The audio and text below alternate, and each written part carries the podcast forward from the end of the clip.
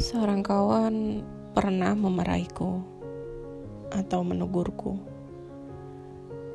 ketika aku senantiasa bergumul dalam ladang sunyi yang terangkai lewat tembang-tembang yang mengalun. Itu musik kematian, katanya. Dan aku senantiasa mengingatnya sampai sekarang. Aku pun bukan tak mau menuruti nasihatnya. Ketika itu senantiasa aku setel di setiap saat dalam hari-hariku. Dikala kesunyian benar-benar kurasakan. Dan kini aku telah melaluinya lewat perjalanan waktu.